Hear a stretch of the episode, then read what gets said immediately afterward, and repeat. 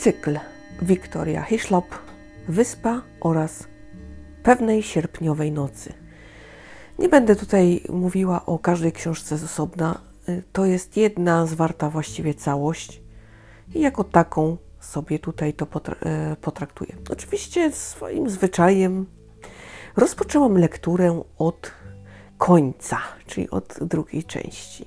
Tak czytając, przypomniałam sobie, aha, jeszcze jest taka książka, to może to jest część pierwsza, no ale jak już zaczęłam, no to wiadomo. Skończyłam jedno, zabrałam się za drugie, no i cóż, miałam rację. Ech. Z czym Wam się kojarzy trąd? A no trąd, wiadomo, średniowiecze, niesamowicie zakaźny, wszyscy uciekali, bawi bali się. Chodzili z takimi grzechotkami, wołali trędowaty, trędowaty, nieczysty. To wystarczyło, żeby zrobił się popłoch. y, Człowiek od razu miał miejsce wokół siebie. Mógł iść nie przejmując się tym, że będzie na kogoś wpadał i tak dalej, i tak dalej. Okazuje się, że w XX wieku również ludzie na tę chorobę chorowali. I oczywiście postrzeganie tych chorych było dokładnie takie samo. Czy słusznie? No Tutaj oczywiście każdy z Was może sobie o trądzie przeczytać. Autorka pokazuje nam tę chorobę zupełnie inaczej. Mówi nam o tym, że nie tak łatwo znowuż się zarazić, że stygmatyzowanie tych ludzi to takie trochę barbarzyństwo, bo wielu z nich mogłoby żyć normalnie w społeczeństwie, nie szkodząc nikomu. Oczywiście, yy, tak jak lekarze nakazują, yy, ostrożność trzeba zachować i tylko taką, o jakiej mówią ludzie, którzy się na tym znają.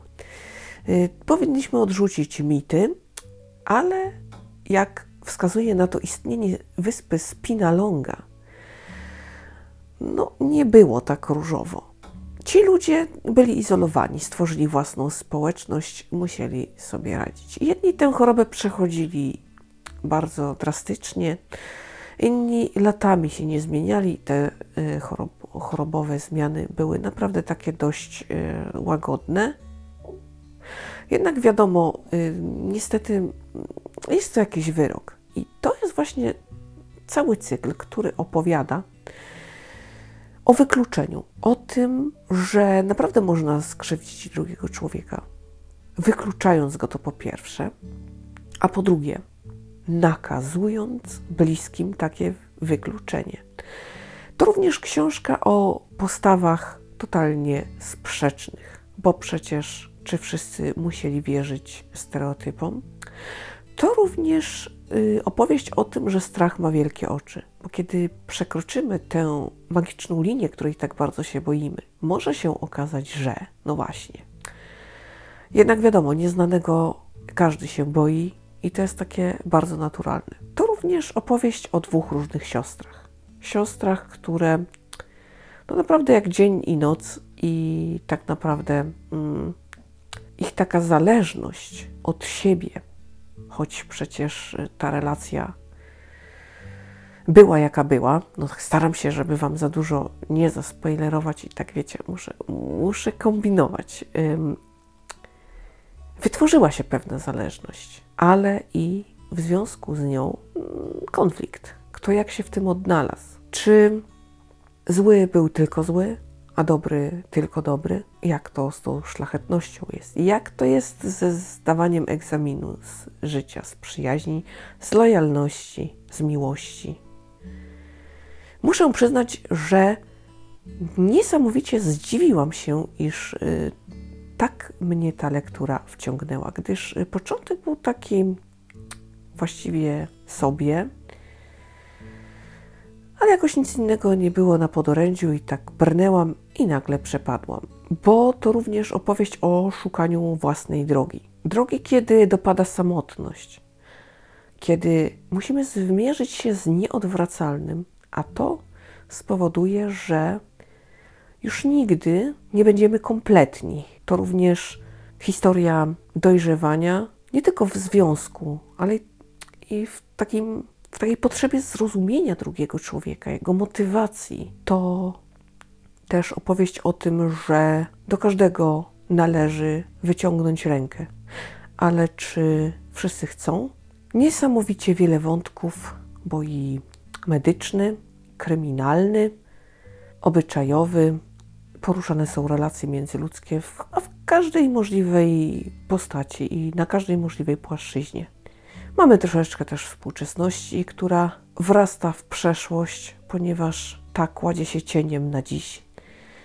No chyba wszystko ten cykl zawiera. I tak naprawdę zmusza nas do tego, aby zatrzymać się na chwilę, zadać sobie kilka niewygodnych pytań.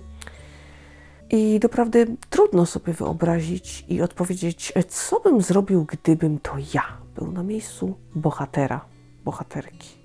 To zawsze jest lekko niewyobrażalne, bo możemy twierdzić dzisiaj jedno, a gdy staniemy w jakiejś e, sytuacji, no okaże się, hm, że zrobiliśmy na przykład zupełnie co innego. Także bardzo pouczająca lektura z jednej strony, bardzo taka kolorowa, e, niesamowicie grecka, to znaczy tutaj ta Grecja żyje, pachnie, tańczy, e, to wszystko nas otacza, oblewa, czaruje, a z drugiej strony właśnie ten biedny, zagubiony człowiek i jego rozterki, świetna, świetna obyczajówka, gorąco polecam i jedną i drugą i tym sposobem opowiedziałam Wam o obydwu książkach, które są nierozerwalne właściwie ze sobą.